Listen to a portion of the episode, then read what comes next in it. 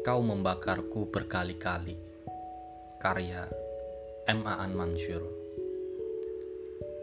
Aku pernah tinggal di buku catatan harianmu, dan kau bakar di kaki pohon mangga di samping kamar tidurmu. Kau kembalikan aku jadi pohon, dan aku semakin mencintaimu.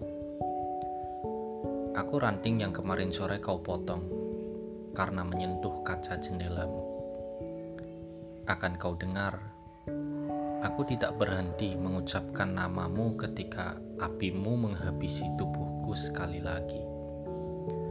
Kelak, aku adalah rumput yang mencium telapak kakimu ketika kau kelelahan menjemur pakaian anak-anakmu yang nakal.